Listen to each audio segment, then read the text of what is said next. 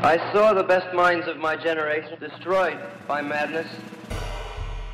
Det er den drømmen vi bærer på. Fra en annen virkelighet. Kulturuke. Eh, Ja, jeg heter Dag Solstad, og dere hører nå på Bokbaren, og der er altså jeg. Ja, og velkommen til eh, Bokbaren. Her i studio er jeg, Ingeborg, som er programleder for denne sendingen. Og med meg så har jeg Magnus. Ja, det er meg, ja. Ja, hallo. Mhm. Og Marte. Hallo, hallo. Og i dag så skal vi ha en skummel sending. Litt sånn Junidar-stemme for Ja, jeg har vært hjemme eh, sånn. for eh, dere faste lyttere. eh, Sjekk ut Dere vet tar Unidar-joken, og for dere nye, sjekk ut forrige sending. Nei, men vi skal snakke litt om skrekklitteratur i forbindelse med halloween. Eh, Så det blir spennende. Og vi skal snakke om spesifikt én historie. 'The Telltale Heart' av Edgar Allan Poe. Så det blir spennende. Hei, det er Junidar. Les Ibsen og lytt på Bokbaren. Ja, velkommen tilbake til Bokbarn. I dag snakker vi om skrekklitteratur. Og nå vet jeg ikke om Ibsen skrev så mye av det, men derfor skal vi bevege oss til en eh, annen eh, forfatter i dag. Men eh, først så tenkte jeg å spørre dere, Marte og Magnus. Har dere noe forhold til skrekklitteratur? Marte, har du lest noe særlig skrekklitteratur? Eh, ikke sånn ekstremt mye, egentlig. Sånn, jeg har vært borti grøsserne, sånn som sikkert de fleste har. Jeg har Eh, ikke vært borti det, faktisk. Nei. Så jeg føler meg totalt uh, håpløs når det kommer til skrekklitteratur. Men fortsett, Marte. Ja, nei, det er mye sånn gressende på skolebiblioteket, på barneskolen. Uh, ja. Veldig mye sånn tenkt at jeg skulle lese noen av de bøkene som skrekkfilmen er basert på, så jeg bare aldri kommet så langt. Nei, jeg har litt samme. Jeg har lest eh, 'Grøsserne' uh, og eh, litt grann noen sånne korte historier av Edgar Allan Poe. Men jeg har tenkt at jeg skal lese 'Frankenstein' og 'Dracula' og sånn, men det har bare aldri kommet så langt. Men dere som har lest 'Grøsserne', det er jo sikkert noe mange hører på har et forhold til. Hvor skummelt var det egentlig? Var det sånn at dere satt og ikke fikk sove etter å ha lest, eller var det egentlig ikke så skummelt? Det var så skummelt. Det, Det var- altså, det var. Jeg husker jeg hadde en kontorstol hvor jeg hadde en em, koffert oppi. Og så når man skrudde av lyset, så så det ut som en sånn pukkelrygga person. Og den skremte meg sånn i den perioden jeg leste 'Grøsserne'. Vi trodde alltid at det var sånn monster fra de bøkene. Oi. Uh, ja, jeg husker vi, vi hadde faktisk høytlesning for en av de grøssa-bøkene. Jeg husker ikke hvilken det er, det burde jeg sjekket opp. Men um, hvor Altså, settingen var på en måte på skolen, så vi satt og leste mens vi var på skolen. Og så var det da uh, Jeg tror handlingen var sånn Det var kommet en ny kantinedame. Og hun hadde begynt å lage sånn helt sinnssykt god mat, og folk ble liksom avhengige av det. Og så viste det seg at det var noe litt med muffins med denne maten her. Og, um, jeg husker liksom at uh, hun nektet å dele ut uh, sennep, for det var visst et eller annet sånn motkur eller noe sånt. Um, og jeg er ikke så veldig glad i sennep, så jeg ble jo stemplet som sånn her Så ja, nei, noe sånn Hva er ordet jeg leter etter? Sånn skurk, da, Ja. i klassen. Uh, så det var jo traumatiserende opplevelse for min del. Ja, det ser vi. Litteraturen den eh, kan ta mange former og prege hverdagslivet vårt òg. Tror du han gjør det fremdeles? Jeg lurer på om uh, unger fremdeles går på skolebiblioteket og låner 'Grøsserne', eller? Du, Det hadde egentlig vært litt sånn interessant å se noen studier eller tall på. For at, uh, jeg leste jo litt om R.L. Stein, da, som har skrevet 'Grøsserne' før den sendinga her. Og han har solgt 400 millioner kopier. Det er Oi. helt Og ikke, det var ikke bare av 'Grøsserne'-serien, men det er jo den han har solgt mest av. Og det er jo helt sinnssykt. Han må jo være en av verdens rikeste forfattere, iallfall Ja, oppe i eliten der, tipper jeg. det. Man eh, kunne visst ta sånn masterclass med han i å skrive horrorlitteratur, hvis man gikk inn på masterclass. Ja, Men det var jo sånn, de her grøsserne, det var jo trykt opp i Altså, hvor mange bøker var det i den serien? da? Det var jo helt sinnssykt mange du kunne velge mellom. Husker du hvorfor jeg? Ja, jeg tror det er sånn 60-70 bøker. Han Ja. skrev vel på en sånn fem-seks års periode òg, så Der har man et sommerprosjekt. Hvis man har en sommer man ikke vet hva man skal lese, bare kjøpe hele serien og bare sluke i ett. Absolutt. Så det er kanskje eh, sommerens lesetips. Eh, åtte måneder på, eh, på forhånd. Men eh, først, nå skal vi høre en låt til. Eh, det er 'Brenn med Jeg gir opp'. Jepp, dette er Frode Grøtten. Eh, Lytt på Bokbaren på Radio Revolt. Ta deg en eh, god drink. Ja, velkommen tilbake til Bokbaren på Radio Revolt. Jeg tenkte at du skulle få introdusere eh, hva skal jeg si, dagens eh, helt, ja, Magnus. Og det er jo Edgar Allan Poe. Yes, og da vil jeg egentlig bare starte med å oppfordre le le lytteren, hvis de har mulighet, til å gå og google Edgar Allan Poe, og bare gå inn på det første bildet som dukker opp. For jeg syns det er veldig gøy, fordi eh, han, ser, han passer så godt til det eh, universet han lager. da. Han ser, det Du ser sånn skremmende, litt sånn destruktivt, trist blikk. Og hvem er han mannen? Hvem er Edgar Poe? Han ble da født i 1809 i Boston. Eh, og mellomnavnet Allen det kommer av at han allerede som toåring faktisk ble foreldreløs og overlatt til ekteparet Allen i Virginia. Og forholdet til fosterforeldrene var, i likhet med mye annet i Poe sitt liv, både vanskelig og turbulent. Og det skyldtes da mye pga. hans trøblete forhold til penger og alkohol, som var noe som han sleit med gjennom hele livet. Så han blir av mange faktisk oppfattet som en, sånn, en av de første plaga kunstnerne. Som virkelig sto i drømmen og skrev og skrev og skrev, uansett hvor mange utfordringer han fikk. Og det førte jo til at han fikk gitt ut veldig mye. Han ga ut én roman, flere diktsamlinger, masse litteraturkritikk og en haug med noveller og fortellinger. Eh, og han er annet kjent for å ha skrevet den første detektivfortellingen. Eh, selv om, interessant nok, man kan kanskje argumentere for at det egentlig var en nordmann med navn Maurits Hansen som burde fått den æren, men det er en annen historie. Eh, og så er han jo òg veldig kjent for disse her gotiske skrekkhistoriene som vi har lest i dag, som er fullt av mord, tortur og alle slags former for bestialitet. Eh, og det er jo en av de mest kjente vi har lest i dag, som heter The Telltale Heart. Ja, litt vanskelig der. Eh, og jeg har da lagd en liten sånn eh, innspilling med litt lydeffekter og sånn for første gang av denne fortellingen. Så jeg lurer på om vi bare skal kjøre den, jeg. Det er sant. Jeg har vært syk. Men hvorfor sier du at jeg har gått fra fornuften? Hvorfor sier du at jeg er gal? Kan du ikke se at jeg har full kontroll? Er det ikke tydelig at jeg ikke er gal? Faktisk ga sykdommen meg bare sterkere sanser, så nå hører jeg lyder fra både himmel og helvete.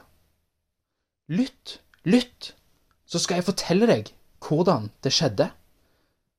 Du vil se, du vil høre hvor sunt hodet mitt er.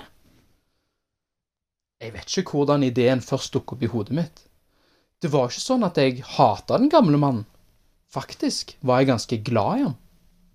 Jeg tror det skyldtes øyet hans, dette forferdelige øyet, monstrøse øyet. Det minner meg om øyet til en gribb.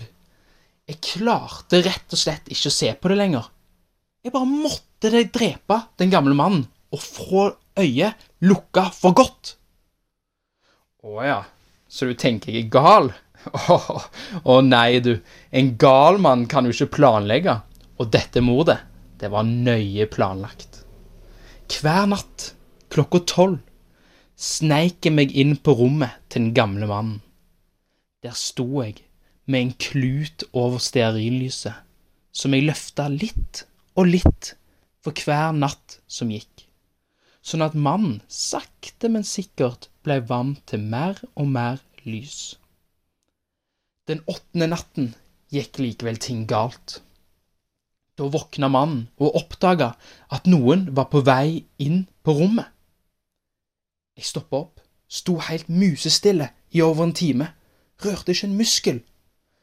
Før jeg sprang mot den gamle mannen, kasta meg over ham og trykka sengetøyet over hodet til hjertet slutta å slå. Endelig var jeg fri fra øyet. Å ja, så du tenker jeg er gal? Å nei, du. Du skulle bare sett hvor nøye jeg parterte kroppen hans og gjemte delene ned under gulvplankene. Ikke noe menneskeøyne kunne se at de lå der. Akkurat når jeg var ferdig med dette, så dukka det opp tre politikonstabler som hadde blitt varsla av naboen. Jeg tenkte det ville være gøy å leke litt med dem, og inviterte de til å slå seg ned for en hyggelig prat inne på rommet til en gammel mann. Leken var gøy i begynnelsen, men så begynte en trykkende hodepine å slå inn, samtidig som jeg begynte å høre en merkelig lyd i øra. Det var en rask, myk lyd, som lyden fra en klokke gjennom en vegg. Lyden blei høyere og høyere, men det så ikke ut til at mennene merka noen ting. Eller var det bare de som nå spilte et spill med meg?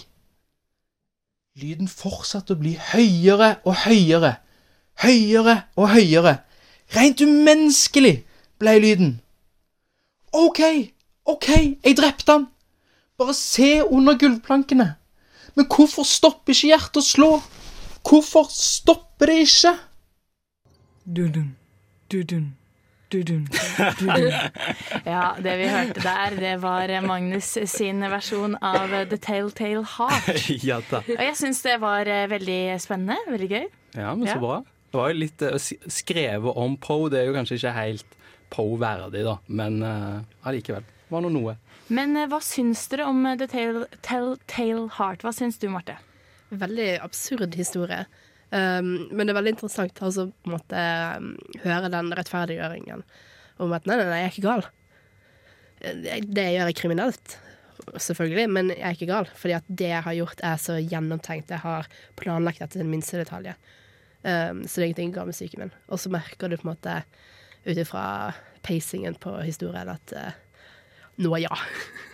Ja, for det som skjer hvis man ikke uh, fikk med seg hele handlinga fra Magnus uh, sin eh, reenactment der, så er det rett og slett da en eh, mann som bestemmer seg for å drepe Vi vet ikke helt uh, hvem de, disse to mennene er, men jeg ser for meg at det kanskje er sånn eh, husverten hans. Eh, Så han bestemmer seg for å drepe denne gamle mannen pga. dette ekle, blå øyet hans. Og det planlegger han nøye, eh, og bruker lang tid på å på snike seg inn på mannen og tilvenne han på at hans nærvær er i rommet. Og så til slutt så dreper han han da, og parterer han, legger han under gulvet. Eh, og så kommer disse konstablene på besøk, og da begynner på en måte Er det en slags skyldfølelse, eller ja, eh, skylden i han på en måte vil ut, og mens han sitter og snakker med disse konstablene, så hører han eh, lyden av hjertet som slår under gulvplankene. Og så er han sikker på at det hører også konstablene. Og så river han til slutt omtrent opp gulvplanken og sier 'ja, jeg har gjort det, her er liket'. Ja. Ja. Så det er, eh, det er det som skjer. Jeg syns det er en veldig fin, eh, eh, sånn kort historie. Imponerende å få så mye suspens på seks-syv sider som han har fått til. Veldig kort historie. Ja. Veldig kort, men han har også en sånn veldig repetativt fortellerstil som gjør at man føler at man har lest en lengre historie, som bygger det opp på en veldig sånn spennende måte, syns jeg. Ja, Det synes jeg var litt interessant når jeg leste om Poe, at han var jo egentlig kjent for at han hadde sånn tanke om at hvert ord i novellen skulle være der av en god grunn, som, som det er i noveller. da.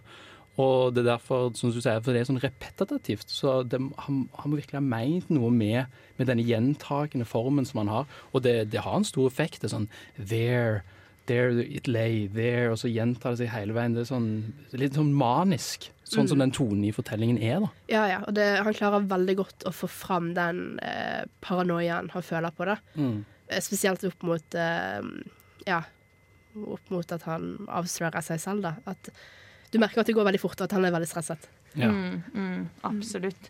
Eh, og vi skal snakke litt mer om eh, novellen The Telltale Heart, men først så skal vi høre en eh, låt, og vi skal høre Emilie Trømt med 'Loving You'. Radio Revolt. Ja, velkommen tilbake til Bokbarn på Radio Revolt. Og i dag så har vi en skrekksending i forbindelse med at det snart er halloween. Og vi, før låt så hørte vi eh, både Magnus sitt radiotaterversjon av The Tale-Tale Heart av Edgar Allan Poe, og snakka litt om eh, novella. Men eh, jeg tenkte å gi litt bakgrunnsinformasjon. For denne eh, novella den ble publisert i et litterært magasin som heter Pioneer i 1843. Og ja, det høres kanskje litt lite ut i dag, men Poe fikk antageligvis 10 dollar i betaling for denne novella. Jeg tror det var sånn greit betalt i 1843. Det vil jeg tro. Ja. Ta, ja, en inflasjonskalkulator kanskje vi får til i løpet av sendingen. Ja, absolutt. Ja. Og eh, ja, som Magnus har vært inne på, så var det jo kanskje hans mest kjente novelle.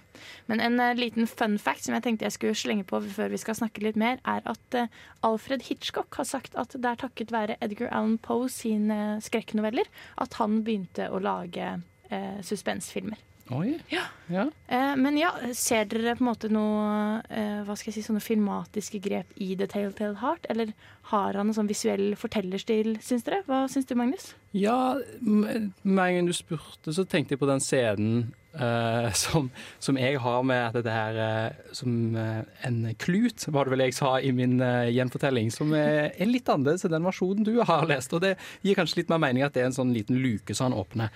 Og når han skildrer dette her med at han står på en måte over denne mannen og sakte gir mer og mer lys, det er jo veldig sånn scenisk, vil jeg si. Og den der scenen når mannen oppdager han, så skildrer han veldig sånn spesifikt hvordan han fryser til. Altså jeg på sånn fryser til når han merker han blir oppdaga, og står helt i ro i en time. Og så er det liksom masse sånne små detaljer. Så jeg, jeg ser det iallfall veldig for meg visuelt i hodet. Er du enig i det, Marte? Ja, absolutt. Det mm, Ja, jeg, jeg vet ikke helt hva jeg skal på en måte tilføye her. Det er bare um, Han klarer å male et ganske greit bilde. Mm. Jeg merker det spesielt med det øyet. Jeg føler jeg får veldig sånn tydelig bilde av hvordan det ser ut, og det sånn, jeg skjønner at det, det er litt creepy, altså. Oi, ja, men Det er litt interessant, for det fikk ikke jeg helt, egentlig. Jeg klarer ikke helt uh, hvor, hvor creepy kan dette øyet være? Og liksom, Det er jo øyet i entall, så det er jo òg litt spesielt. Ja, jeg ser for meg det sånn blått og slimete, og det er jo litt eh, ekkelt. Eh, men eh, det skal jo sies at det har blitt lagd mange adapsjoner av The Tale Heart. Både filmatiseringer og eh, animasjonsfilmer. Jeg heter Erlend Nøttet, og du hører på Studentradioen i Trondheim. Ja, velkommen tilbake til eh, Bokbarn, og vi har skrekksending i dag. Eh, Vi har snakket litt om The Telltale Heart, og det er jo en gotisk eh, skrekkhistorie, eller faller innunder sjangeren det som heter gothic horror. Og tenkte vi skulle snakke litt om hva skrekklitteratur er. For det fins jo så mye skrekklitteratur. Har dere noen tanker om det, Marte eller Magnus? Ja, jeg må innrømme at der har jeg ikke så veldig mye å bidra med. Som sagt, eh, jeg er en, eh, en, en, en sart sjel. Jeg er ikke så glad. Jeg oppsøker ikke skrekk hvis jeg ikke må. Så eh, det kan jeg veldig lite om. Har du noen sånne sterke innvendinger til hva som absolutt ikke er skrekk, da? Mm, uh, du, du, du, det må jo være eh, kjærlighet og Ja, men der kommer gothic horror inn for å prove you wrong. det var en liten felle du la til meg Det var en felle, ja, ja. fordi eh, et element av gothic horror er en sånn kjærlighets, underliggende kjærlighetshistorie. Okay. Eh, og det var jo gothic horror som på en måte starta skrekksjangeren. Eh, I hvert fall som skreven sjanger. For man har skrekklitteratur helt tilbake til gresk og romersk antikk. eh, og flere moderne verker er eh, inspirert av det. Mary Shelleys Frank Frankenstein skal visst være inspirert av et verk av eh, Men også i folkloretradisjonen så har man sånn muntlig eh, campfire-tradisjon for å fortelle skrekkhistorier til barna sine. Men som skreven, eh, skreven form, sånn som vi kjenner i dag, så er det på 1800-tallet med gothic literature at den virkelig tar form. Eh, og romaner fra den tida her, og litt senere egentlig, da, det er jo Mary Shelley sin Frankenstein. Og så er det Bram St Stroker sin 'Dracula'. Dracula. Um, og selvfølgelig Edgar Allan Poe. Og så utvikler jo skrekksjangeren seg, og så blir det mange subsjangere som det er veldig vanskelig å holde styr på. Og der kan ikke jeg holde tunga helt rett i munnen heller. Men er det noen av dere som har lest eh, Stephen King, eller? Nei, jeg har ikke lest Stephen King heller. Ja, lite å bidra med. Har du det, Marte? Det er sånn jeg har tenkt at jeg har lyst til, for jeg syns at Shining-filmen er veldig bra. Eh, men jeg har dessverre ikke lest han. Ja, og der kommer jo Marte inn på et helt nytt segment. At eh, skrekklitteraturen har jo også utviklet seg til skrekkfilm. Eh, for f.eks. eksempel The Shining, som er en bok av Stephen King. Kanskje ikke alle vet det. Eh, det er jo da en film em, av eh, Er det, er det Stanley Kubrick? Ja. Ja. Nå ble jeg plutselig stressa. Ja. Eh, og også for eksempel It, som også er Stephen King, har jo blitt filmatisert. Eh, og en, faktisk en bok som jeg skrev bacheloroppgave om. Eh, American Psycho har jo også blitt filmatisert, og den kan jo plasseres i den her litt mer moderne skrekksjangeren, som er slasher slash, slash seriemorder. Har Stephen King skrevet American Psycho? Nei, eh, Brett Easton Ellis. Ah, Og jeg ok. Beklager. Eh, yeah. Stephen King har ikke skrevet American Psycho, men American Psycho er en av disse bøkene Ja. som har blitt ja. Skjønner. Det ble kanskje litt rart formulert der. Men ja, nei. eh, rettelse. American Psycho er skrevet av Brett Easton Ellis. OK. Ja. Men hvordan eh, Jeg har, ikke sett, jeg har faktisk ikke sett filmen heller, men hvordan er den boken? Er den skummel? Er den ekkel? Hmm, den er jo ekkel i litt sånn psykologisk form, for det er jo det som ofte skiller skrekklitteraturen. Du har det eh, supernaturale, eller eh, overomjordiske, utenomjordiske. Eller så har du det psykologiske. Og det er jo om en psykopat eh, som blir seriemorder. Så sånn sett så er den veldig ekkel med det menneskelige aspektet og følelsen av at eh, noen eh, i gata på en måte De kan komme og ta deg, da. Ja, for dette bringer jo opp en litt sånn interessant eh, diskusjon om eh, forskjellen på grøsserhistorier og sånne thrillerhistorier, da. Hvor eh, thrillerhistorier som jeg tror kanskje eh, American Psycho faller under, der er det veldig mye fokus på eh, følelsesmessige. Det er liksom spenningen i historien er det som driver det videre. Sånn, hva er det som kommer til å skje? Sitter de på kanten? Jeg syns jo øh, psykologiske, for det var det den andre sjangeren ja, Men iallfall at det er jo det ekle, syns jeg. Det ekleste av alt. Og det er derfor sånn Telltale Heart, som jeg har lest, er på en måte så ekkel. Fordi det En ting er det der thriller, at du sitter på en måte og er veldig spent, og hva skal skje? Men denne her psykologiske gravingen, at du på en måte føler at du blir med inn i galskapen, det, det syns jeg er skikkelig ubehagelig. For det er akkurat som det treffer noe at vi er alle litt på randen til galskap hele tiden. Og så kommer den her fortelleren og liksom drar oss litt over. Det, er ikke- det syns jeg er ubehagelig. Ja, og det er virkelig det som treffer meg mest òg, selv om det er jo veldig populært med f.eks. Eh, science fiction-horror eller kosmisk horror. H.P. Lovecraft skrev det, og det har jo blitt lagd eh, mye sånn eh, hva skal jeg si, subsjanger av det igjen. Vampyrer, zombier. Og der er jo filmen virkelig et eh, flott medium for å eh, bringe det fram. Altså, men eh, jeg kan ikke si at jeg er noen zombie- zombie-elsker selv. Det er et veldig interessant poeng som du sier, at filmen som vi har snakket om film og bok, så er på en måte boken kanskje et bedre medium for å utforske dette er psykologiske, sånn som man har sett i The Telltale Heart og sikkert i American Psycho. Da, måte, for man får veldig mulighet til å komme på bak, baksiden og komme tett innpå eh, sinnsstemningene og følelsene og tankene. Absolutt. Vi skal eh, høre litt eh, mer eh, skrekklitteratur, men først skal vi høre låt. Hei, det er Jo Strømgren her. Nei, bare kødda. Det er Thomas Seltzer. Du hører på Radio Revolt. The oldest and strongest emotion of mankind is fear, and the oldest and strongest fear is fear of the unknown. Det var en eh, quote av H.P. Lovecraft. Og det er jo akkurat det skrekklitteratur skal gjøre med oss. Den skal skremme oss. Og det er jo noe med det å bli skremt som vi mennesker appellerer til. For eh, konsumet av både skrekkfilmer og skrekkbøker eh, er eh, veldig, veldig stort. Og med det så lurte jeg på om du hadde et eh, lesetips ja, på skrekklitteratur, Marte? For å få folk litt inn i halloweenstemninga? Ja, det har jeg. Eh, hvis du blir litt eh, inspirert og intrigued av Magnus sin radio og teater med Telltale Heart, så eh, har jeg et hørespill som du finner på podkast. Du finner det på Spotify og ja, podkastappen, der hvor du hører på podkaster, som heter Braska. Eh, det er en historie eh, hvor vi følger da en gutt som heter Sam Walker, og eh, vennene hans Kim, Kimberly og Kyle. Um, og de bor da i en bitte liten by uh, i Missouri, hvor uh, litt, uh, litt skumle ting skjer, da. Du har da um, Av og til fra tid til annen så hører de et sånt stort skrik, lignende lyd. Um, og så pleier det da gjerne noen å forsvinne uh, i etterkant av dette skriket. Og uh, vi møter de Vi på en måte blir med disse tre um, barna opp til mot de blir sånn 17 år. Uh, hvor de utforsker da hva er det som skjer her.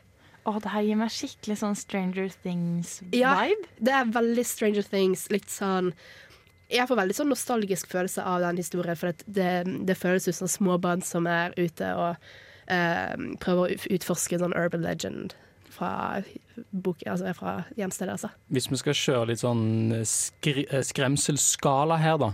Er det så skummelt at du ikke kan gå ute nå som det begynner å bli mørkt i Trondheim og høre på dette fordi det blir for skummelt, eller er det Eh, Jeg vil si at jumpscare-faktoren er veldig lav. OK. Eh, men det er en sånn De er veldig gode på å spille på følelser her, da. Eh, hvor det på en måte Det føles skummelt ut.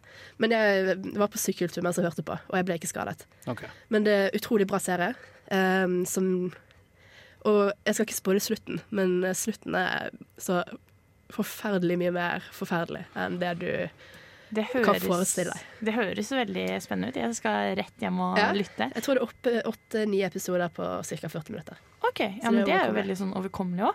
Og Magnus, hva er ditt eh, lesetips for i dag, da?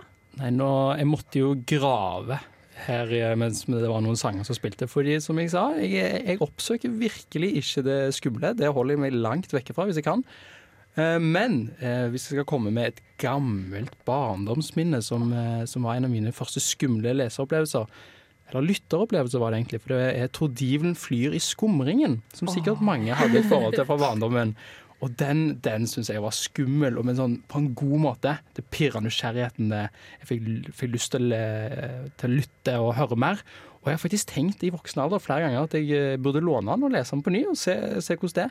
Men det er jo kort sagt en historie om eh, noen svenske ungdommer, barn, som får i oppgave om å vanne noen planter. Og så begynner det å skje litt overnaturlige ting da, i det huset som de har fått beskjed om å vanne disse plantene i. Og så, og så skjer det overnaturlige ting. Bare stopper, stopper der. Ja, og den gir meg også veldig sånn nostalgifølelsen, litt samme som Marte sitt tips og Stranger Things. Og det er en av de tingene jeg syns er litt sånn Jeg liker den type skrekklitteratur, og jeg skjønner egentlig ikke hvorfor jeg ikke oppsøkte mer, så det Eh, dere inspirerte meg faktisk til å begynne å lese litt mer skrekk. Og jeg må jo selvfølgelig eh, Det føler jeg at jeg skylder eh, min indre akademiker. Jeg må da anbefale boka som jeg skrev bacheloroppgave om, og det er 'American Psycho'. Det er ikke en sånn tradisjonell skrekkroman, men det er jo en eh, psykologisk eh, thriller med innslag av slasher og eh, seriemordmotiv.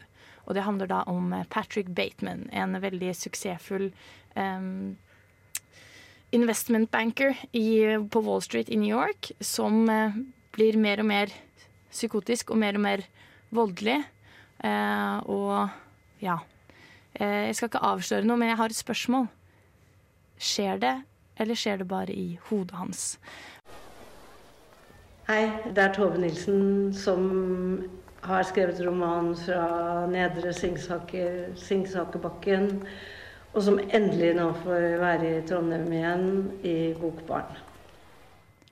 Ja, det stemmer. Du hører på Bokbarn. Eh, Og før eh, vi forsvinner ut i den eh, kalde oktobernatta, så vil jeg høre litt om deres halloween-tradisjoner. Har du noe du gjør i forkant eller på halloween, Marte? Eller noen planer som du har tenkt å gjennomføre i år, da? Nei.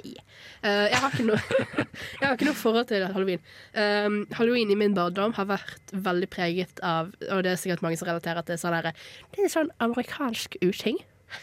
Som jeg ikke aksepterer. Her skal vi gå julebukk i Bergen. nå etterligner de- du din eh, mor, regner jeg med? Uh, nei, mamma snakker ikke sånn i det hele tatt. Uh, jeg, bare, jeg føler det bare er eh, den generelle oppfattelsen av folk som ikke er fan av halloween. Ja. Men Så du gikk ikke i det hele tatt når du var ung? Det var Veldig lite. Ja. Uh, jeg husker at vi prøvde å gå sånn trick and treat, og uh, Altså, vi ble ikke kjeftet på, men uh, det var ganske tydelig fra naboene at dette var ikke de fan av. Hva snobbete nabolag er det du kommer fra, Marte? Masse gamlinger. Det er en blanding av sånn Nabolaget mitt var en blanding av barnefamilier og gamle folk, så de syntes det var veldig koselig med.